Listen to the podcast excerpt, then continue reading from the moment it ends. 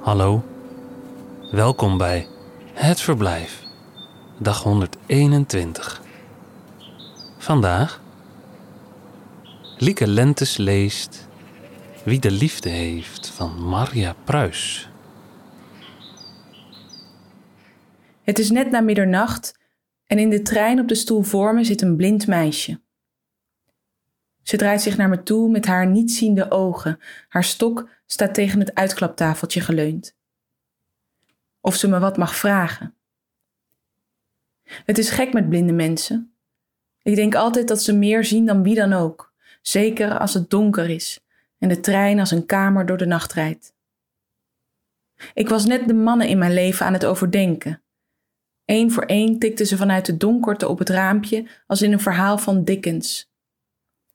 Dat klinkt stoerder dan het is, want A. Het zijn er niet zoveel en B. De meeste hebben de meerderjarige leeftijd nooit bereikt. Niet in mijn bijzijn althans. Ik dacht aan Jan, van wie ik lange tijd dacht dat hij anders heette, alleen maar omdat hij zo'n ingewikkelde achternaam had.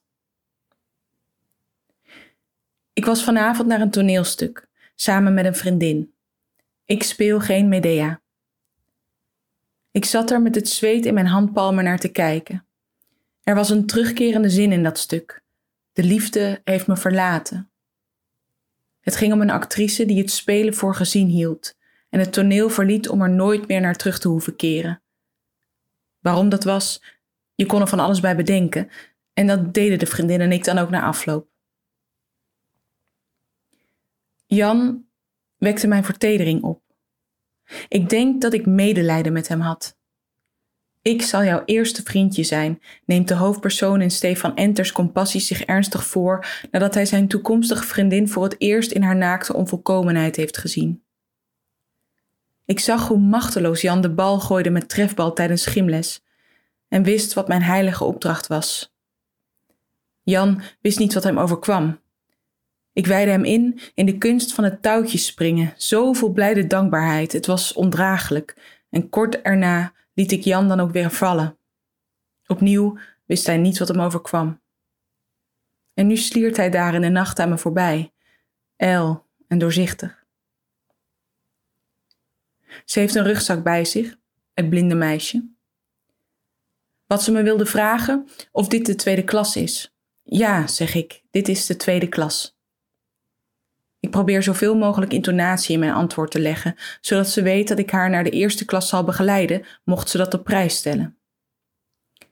Maar ze kniet gerustgesteld, keert zich weer om en pakt op de tast een telefoon uit haar rugzak. Een grote tablet, waar blieperige geluiden uitkomen. Tussen de stoelen door kan ik haar ermee zien manoeuvreren. Mijn hart krimpt. De wereld is vergeven van wolven en ze bevinden zich allemaal in deze coupé. Ik denk niet dat iemand begreep wat ik in Jan met de ingewikkelde achternaam zag. En zo gaat het natuurlijk vaak. Ik snap meestal ook niet wat iemand in iemand anders ziet. Medelijden is een niet te onderschatten aanjager. Of in ieder geval de glimp van een mogelijkheid dat je de ander gelukkig kunt maken. En dan is er nog iets anders. Misschien is het de andere kant van het verhaal. Iemand denkt dat hij jou gelukkig kan maken. Er is altijd één de meer liefhebbende partij, legde een Amerikaanse schrijfster me een keer uit.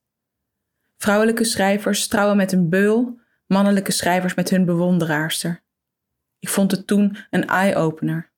Maar inmiddels denk ik, wie zegt me dat de beul niet het meest van je houdt? Zeur niet zo, hoor ik het blinde meisje tegen haar enorme telefoon zeggen. Ik kom gewoon zelf naar huis toe. Tegen wie heeft ze het? Haar vriendje, dat haar van het station wil komen ophalen? Maar iets in haar toon is daar te ongeduldig voor. Hou op met dat gezeur, klinkt het nog stelliger. Zeg maar tegen hem dat hij moet gaan slapen. Ik zie het bed voor me. Het ouderpaar dat met wakkere ogen naar het plafond ligt te staren, telefoon in de aanslag. Laat haar gaan, denk ik. En ik denk, kijk het naar de rug van het meisje. Laat je ophalen. Ik denk het allebei. Even hard.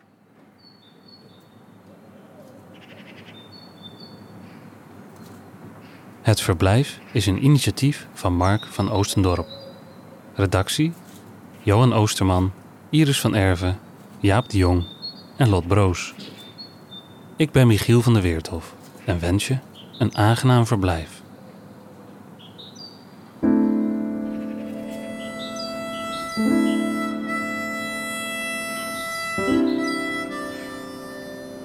Tot morgen.